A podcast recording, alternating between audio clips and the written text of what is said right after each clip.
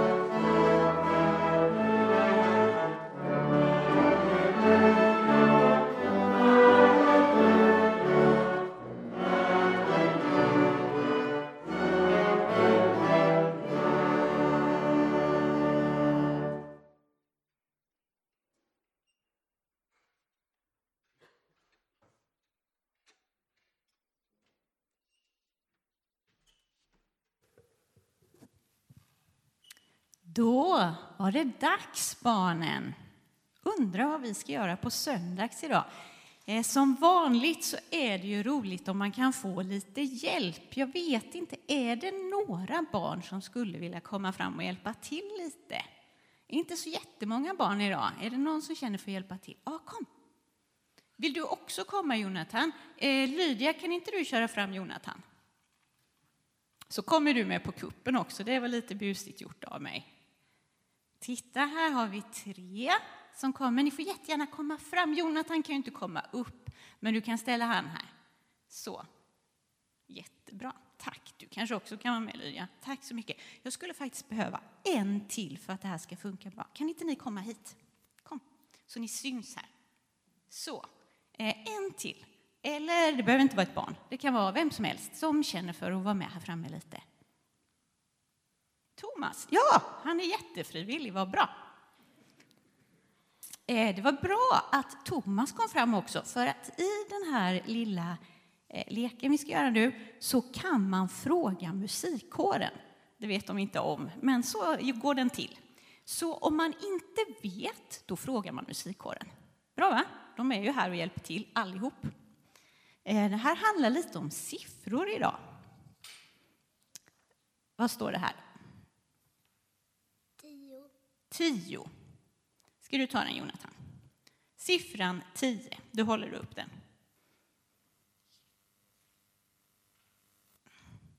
Vad har vi här då? Tolv. 12. Vill du ha den, Alma? Jättebra. 10 och 12. Lydia, vad har vi här? Tre. 3. Får du den? Och Thomas, du får 77. Ja, precis. Så det där är inte hur gamla ni är. Du kan vända på den så ser alla. Så, det är inte hur gamla ni är, utan det finns siffror i Bibeln. Och nu tänker jag inte på versarna på alla böcker, utan om man söker, kan man göra med sin telefon. Det finns jättemycket bra appar. kan man skriva in så här, 10. Så kan man se hur många gånger siffran 10 står i Bibeln och också var. Så nu tänkte jag vi skulle hjälpas åt här och komma på, kan det stå någonting i Bibeln om 10, 12, 3 och 77? Och varför gör vi detta? Ja, det berättar jag sen. Nu ska vi se. Jonathan, siffran 10, vet du något som finns 10 av i Bibeln eller vill du fråga musikkåren? Eh, Vill du fråga musikkåren? Musikkåren. Siffran 10. Finns det 10 något i Bibeln? Ni får räcka upp handen om ni vet. Där bak. 10 budord. 10 Guds bud. Bra musikkåren. 12 Alma. Vet du något som det finns 12 av i Bibeln? Då frågar vi musikkåren. Vi får se om någon räcker upp handen här. 12. Där borta. 12 lärjungar, de är ju jätteduktiga. Jag tror att de läser Bibeln jättemycket hemma. Eh, tre, Lydia. nej. Ska vi fråga musikkåren? Jajamensan. Tre, hör ni? Tre vise män. Bra. Thomas, du, du kanske inte får fråga musikkåren? Jodå. 77. Kan inte det vara antalet gånger man ska förlåta någon? Jättebra. Och vet ni, det är precis det som vi ska prata om på söndags idag. De andra siffrorna var bara för att vi skulle lära oss lite. Kan ni gå hem och söka så kan ni se siffrorna i Bibeln. Nu går vi till söndags. Tack. Nu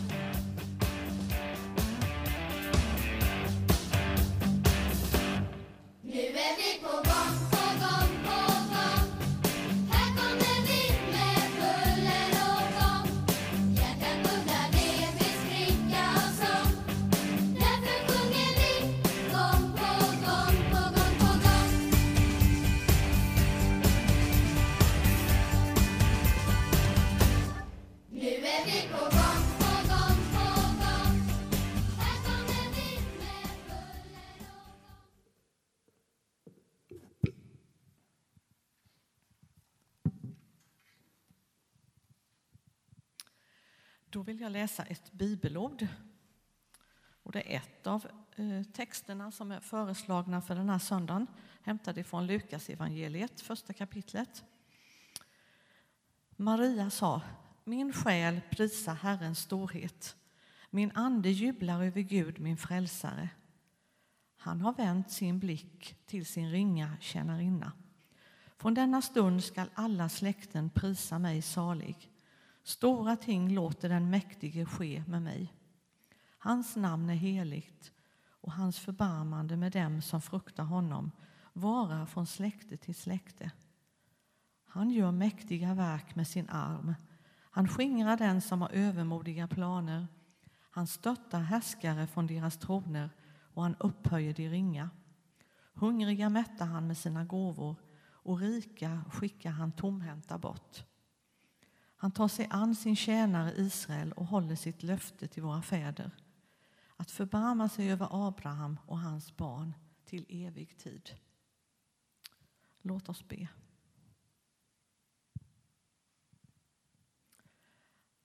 Herre, vi får komma till dig återigen.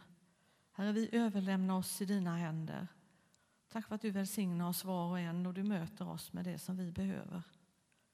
Herre, tack för att vi får samlas till gudstjänst och att vi har frid och fred omkring oss, Herre. Herre, tack för att vi också får tänka på våra vänner i Ukraina som har det så svårt och alla som är på flykt, Herre. Jesus, tack för ditt ord. Och tack för att du talar till oss genom ditt ord. Tack för sången och musiken och tack för predikan. Välsigna oss. Amen.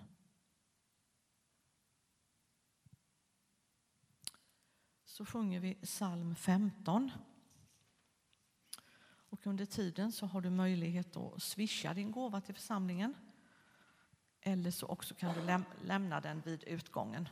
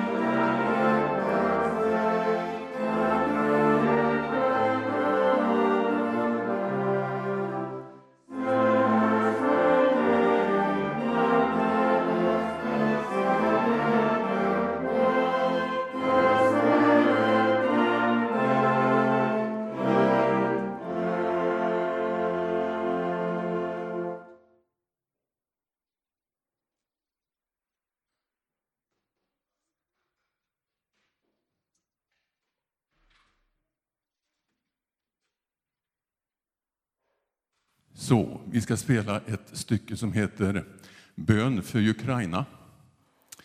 Och det här är en gammal sång som skrevs redan 1885. Men som har fått nytt liv nu. Och eh, en svensk kille har arrangerat den här för både blåsorkestrar, brassband, symfoniorkestrar. Så att den spelas jättemycket lite överallt. Eh, ni kommer att se en text fast på engelska på väggen. Men jag har bett Johannes läsa upp lite grann. Jag tror han gör en liten översättning där.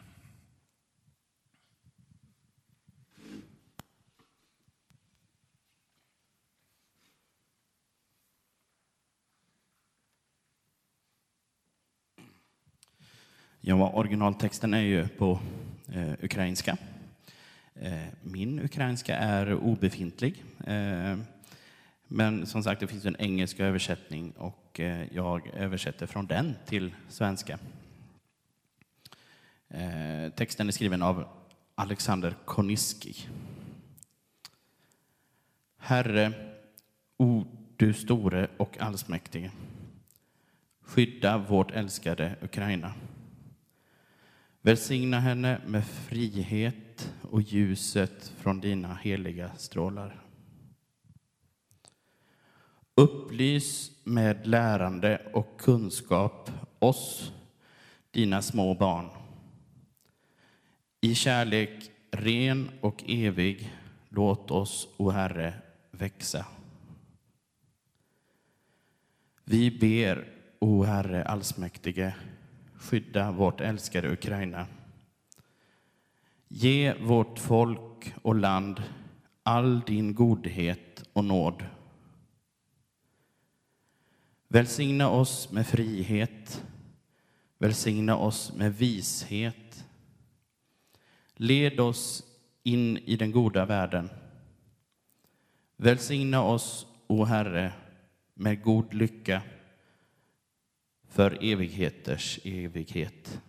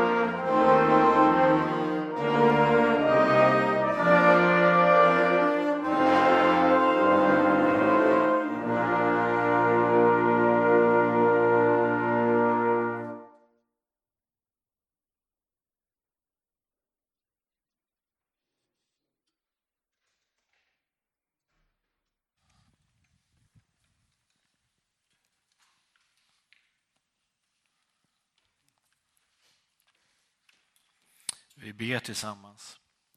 Jesus Kristus, vi ber för folket i Ukraina, Herre Jesus. Vi ber Gud om fred. Vi ber om frihet.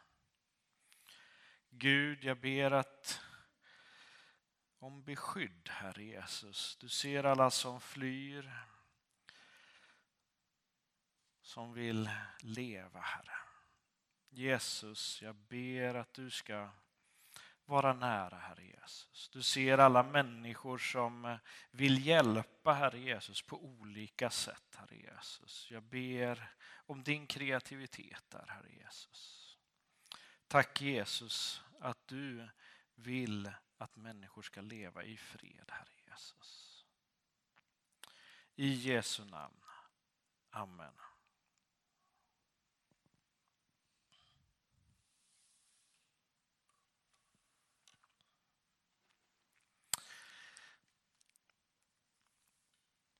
Om man tittar på historia, det är ganska roligt sådär, eh, att titta på olika saker som händer och sker.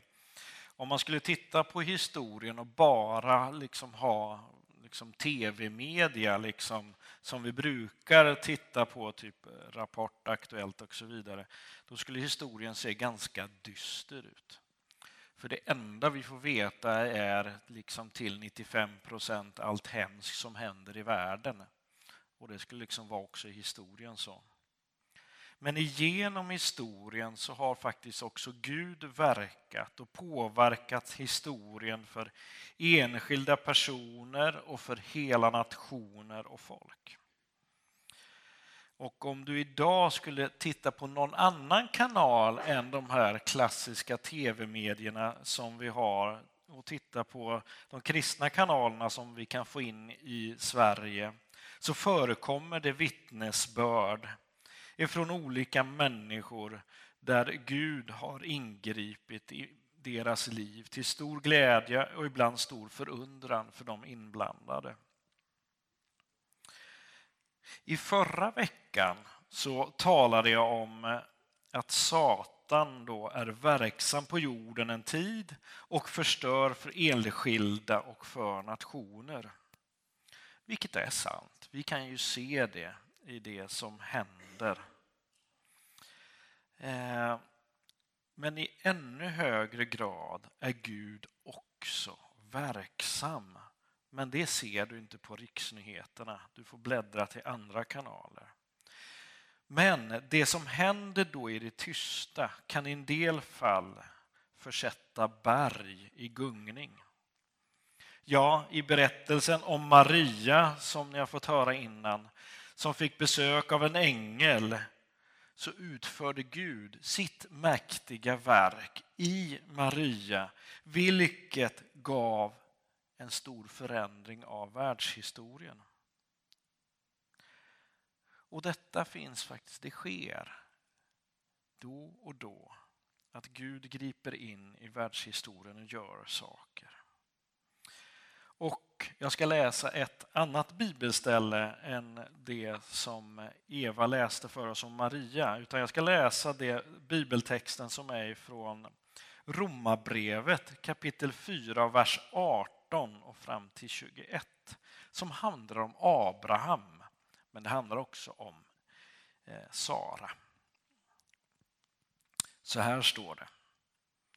Där allt hopp var ute höll Abraham fast vid hoppet och trodde så att han kunde bli far till många folk enligt ordet så talrik ska din avkomma bli. Han sviktade inte i tron då han tänkte på att hans egen kropp var utan livskraft. Han var omkring hundra år gammal och att Saras modersköte var dött. Inför Guds löfte tvivlade han inte i otro utan fick kraft genom tron. Han gav Gud äran och var förvissad om att det Gud har lovat kan han också infria. Därför räknades han som rättfärdig. Det finns flera människor som vi skulle kunna kalla för hjältar i tron. Eh, då de varit och är så fasta i sin övertygelse att de blir så att säga goda exempel för oss som tror idag. Abraham är en person som räknas som rättfärdig på grund av sin tro. En person som man kan tycka, liksom, ja men du, honom, tänk om jag kunde vara som Abraham så skulle det vara bra. Abraham höll ju fast vid tron på Gud och det löfte han hade fått av Gud. Men vad var det som han hängde upp sin tro på? Vad hade han omkring sig liksom som stöttepelare? Så? Eh, för våran del, vad har vi så att säga om vi tittar på våran tro? Tron då på Gud, Fader och Gud, Sonen och Helige Ande. Vad är det vi har? Jo, nej men vi, har, vi har Bibeln som vi återkommer till, som vi liksom ser som vårt rättesnöre där vi tänker att ja, men här, Gud har talat till historien och det är nedtecknat här, det följer jag.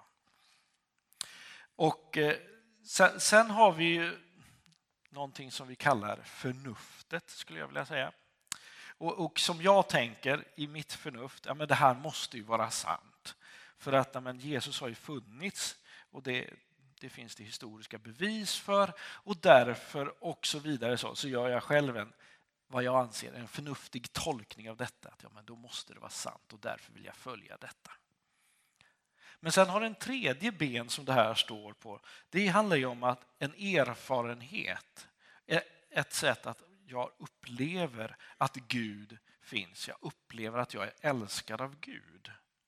För att jag har mött Gud i bönen, jag har mött Gud i förbönen, jag har mött honom i, i mitt mitt liv idag.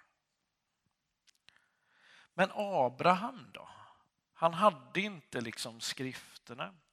Han hade inte någon, ja, han hade ingen, ingen gemenskap som vi har så att säga. Utan han var själv. Utan det han hade, det var hans gudsmöten som han kunde hänga upp sin tro på. Och hans första möte som registreras liksom i första Mosebok, den hämtar från 12 kapitlet, vers 1-3. Då står det så här. Herren sa till, till Abraham, lämna ditt land, din släkt och ditt hem och gå till det land jag ska visa dig. Jag ska göra dig till ett stort folk. Jag ska välsigna dig och göra ditt namn så stort att det ska brukas när man välsignar. Jag ska välsigna dem som välsignar dig och den som smädar dig ska jag förbanna och alla folk på jorden ska önska sig den välsignelse som du har fått. Alltså för Abraham blev det så otroligt viktigt det här gudsmötet, för det var det enda liksom som kunde liksom hålla honom fast vid Gud. Och, och det, jag tycker det är väldigt spännande att följa den här berättelsen. För att det är så här att Abraham, han, han hade ju gift sig med Sarai, alltså, som det står där. Och eh, de hade då inga barn. Abraham var vid den tiden han fick det här mötet med Gud 75 år. Det var första mötet som han fick med Gud och där, där Gud säger till, till honom, jag ska göra dig till ett stort folk. Ja, jag vet inte liksom vad, vad han gjorde för tecken eller så, eller om han smålog som jag ser att ni gör här.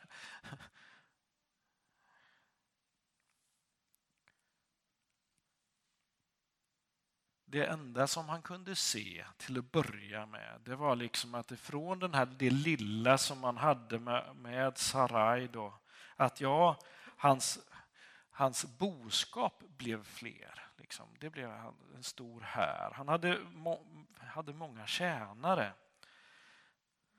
Men han hade ju inga barn. Så hur blir det här med Guds löfte? Och Det intressanta är att vid nästa möte med Gud så får han samma löfte upprepat för sig. Och det kommer vi då, om vi tittar i, då i trettonde kapitlet i Första Mosebok. Och där står det så här, när Abram och Lot hade skilts åt sa Herren till Abram, se dig omkring från den plats där du står åt norr och söder, öster och väster. Hela det land som du ser skall jag ge åt dig och dina ättlingar för all framtid. Jag ska låta dina ättlingar bli som stoftkornen på jorden. Kan någon räkna dem? Skall också dina ättlingar kunna räknas? Vandra genom landet i hela dess längd och bredd, ty åt dig ska jag ge det. Och Abraham, Abraham flyttade sin tält och kom till Mamres lund vid Hebron. Där slog han sig ner och där byggde han ett altare åt Herren. Ja, det var andra gången han får det här löftet. Det var gissningsvis ungefär ett par, tre år efter första löftet. Men ännu hade han inga egna barn. Men det är precis som att Gud vill påminna Abraham att jag är med dig. Jag överger dig inte. Lita på mig, men ha tålamod.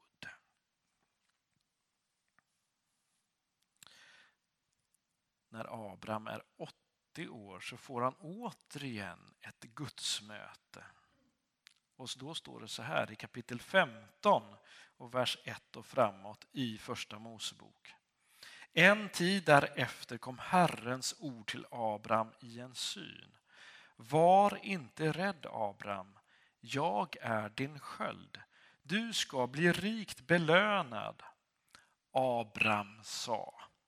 Herre min Gud, vad är det du vill ge mig? Jag går ju bort barnlös. Och han sa, du har inte låtit mig få några barn och därför blir det min tjänare som ärver mig. Men Herrens ord till honom löd, det blir inte han som ärver dig utan en av ditt eget blod. Och Herren förde honom ut och sa, se upp mot himlen och räkna stjärnorna om du kan. Så talrika skall dina ättlingar bli.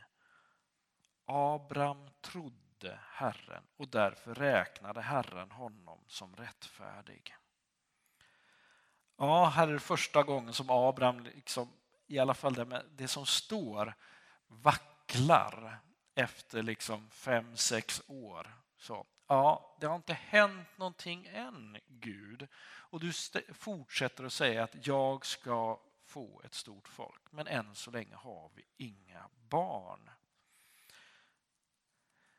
Abraham tvivlade, men han, hade, men han fortsatte att gå på Guds löfte.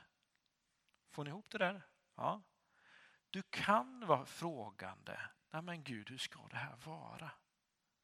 Men jag håller fast, för det är det enda jag har att hålla fast vid.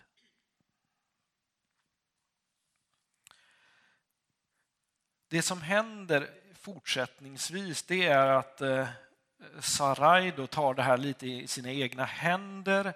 Hon ger Abram sin, eh, ger honom Hagar så att säga, hennes tjänarinna så att säga. Så att genom Hagar skulle, ska Abraham få barn då, så att säga.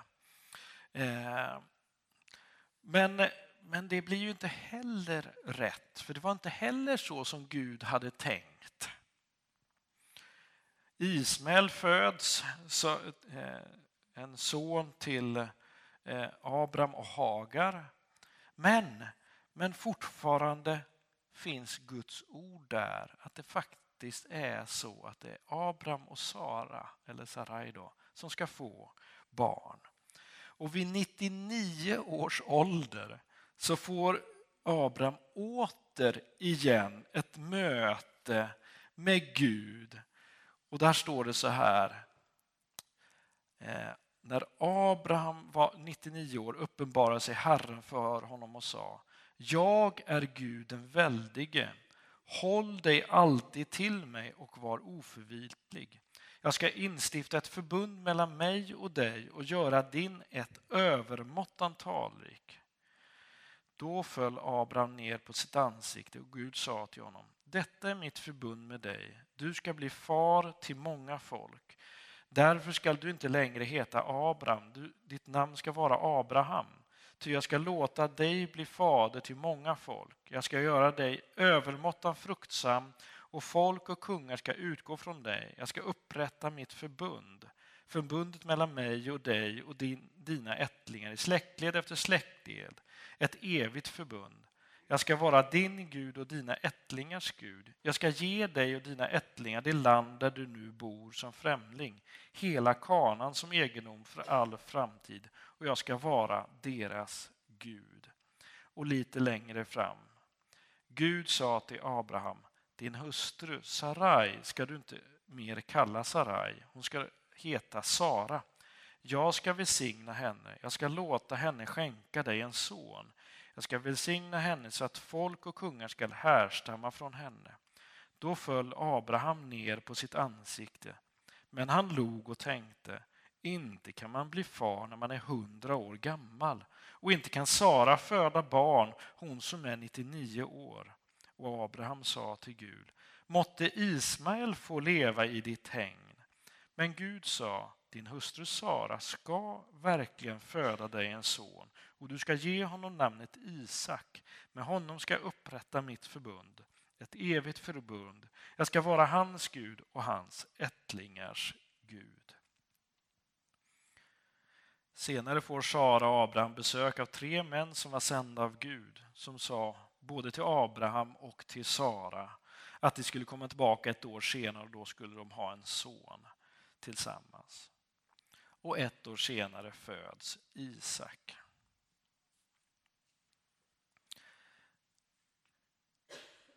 Abraham 75 år. Sara lite yngre, men ändå. Så får de det här löftet ifrån Gud. Eller kanske de då kanske tyckte, är det här ett hån eller?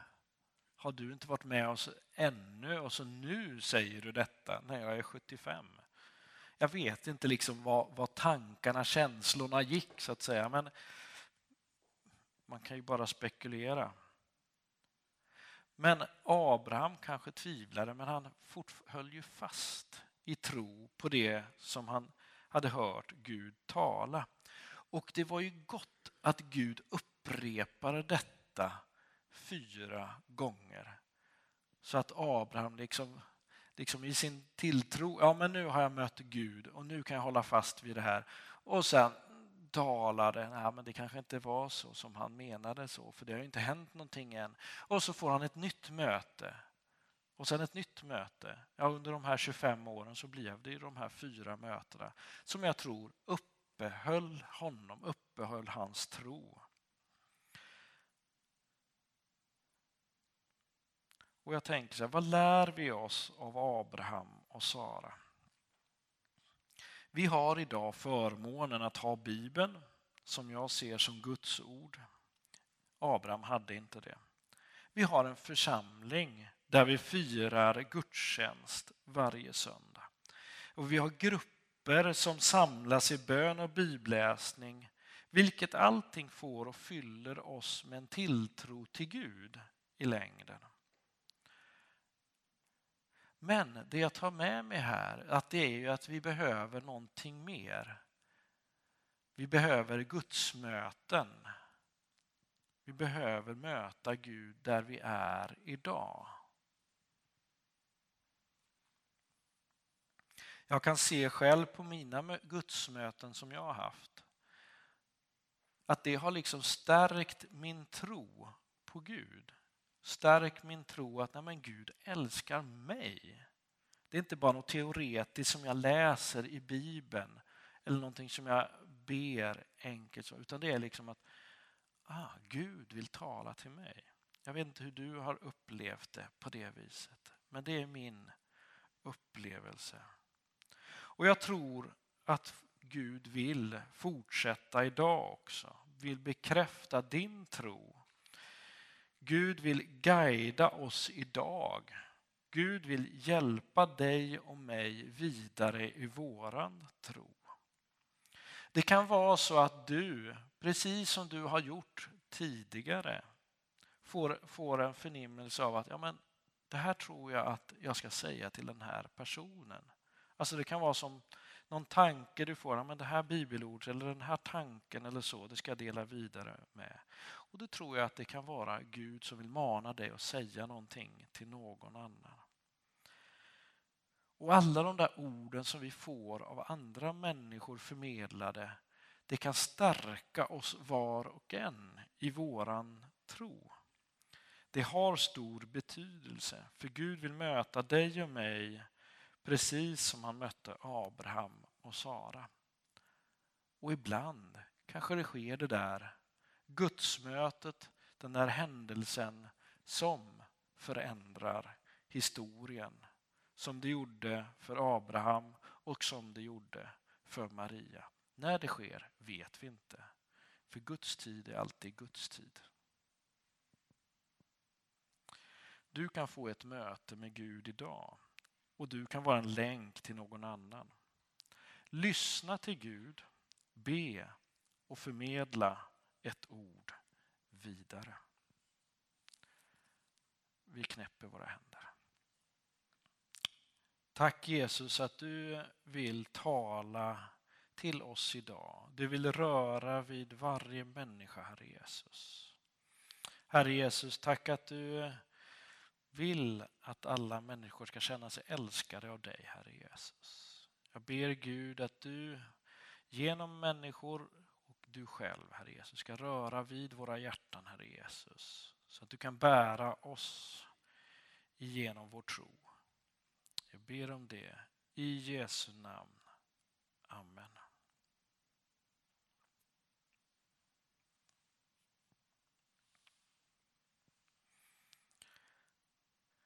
Nu sjunger vi tillsammans psalm 482. Våga sätta fulla segel i Guds andes vind.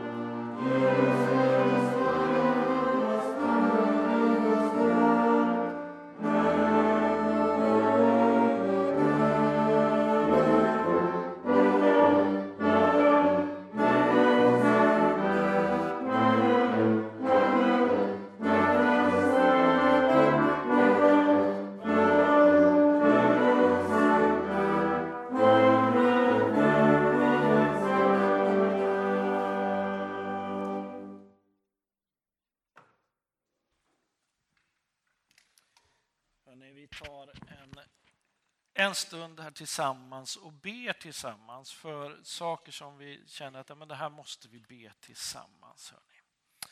Och jag tänker, har ni böneämnen som ni vill säga så här högt så ska vi be tillsammans för det i så fall.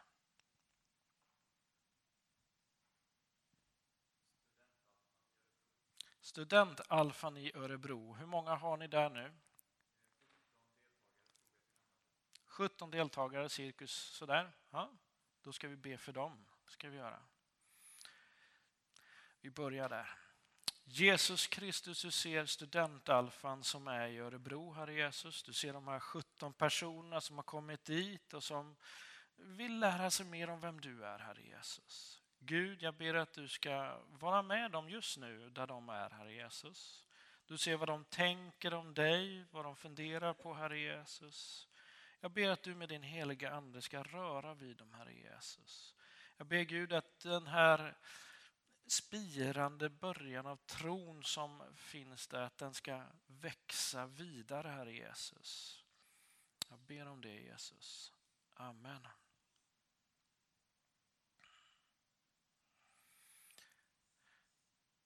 Jag vill att vi ska be för eh, de hjälpsändningar som är på väg. Eh, vi känner ju här i församlingen till väldigt mycket av vad som händer i Samhjälp. Eh, vi följer ju det, det arbetet som de har. De hjälpsändningar som skickas iväg mot Ukraina och runt länderna där.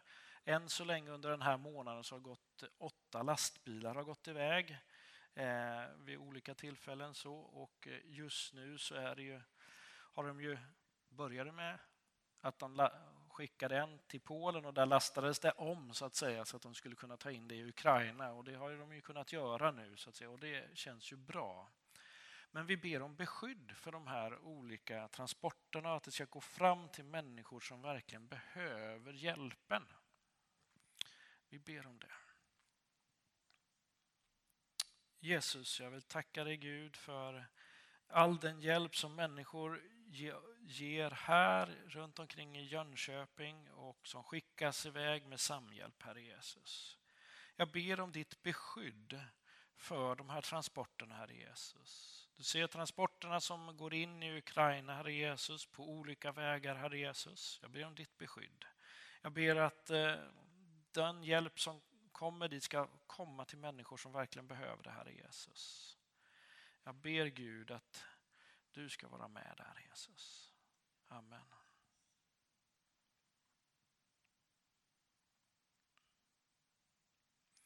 Något annat bönämne som ni tänker på att det här måste vi be för?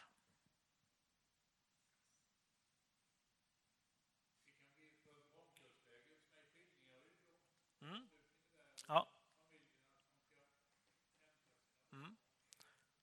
Vi ska be för barnkörlägret som är, håller på, som är en del från våra församlingar där med, med barn och eh, även från andra församlingar nere i Skillingaryd. De har sin avslutningsgudstjänst här vid 11 idag.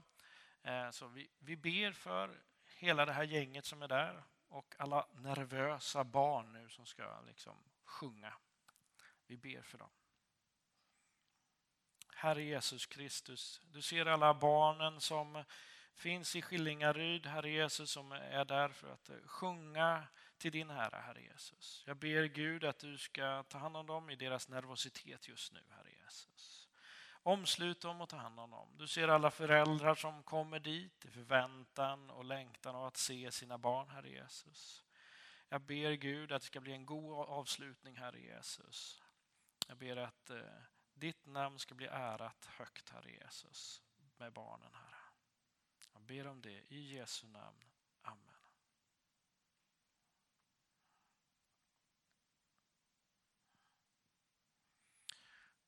Och innan eh, musikkåren avslutar eh, så ta emot Herrens välsignelse. Herren välsigne dig och bevare dig. Herren låter sitt ansikte lysa över dig och vara dig nådig. Herren vänder sitt ansikte till dig och ger dig av sin frid. I Faderns och i Sonens och den helige Andes namn. Amen.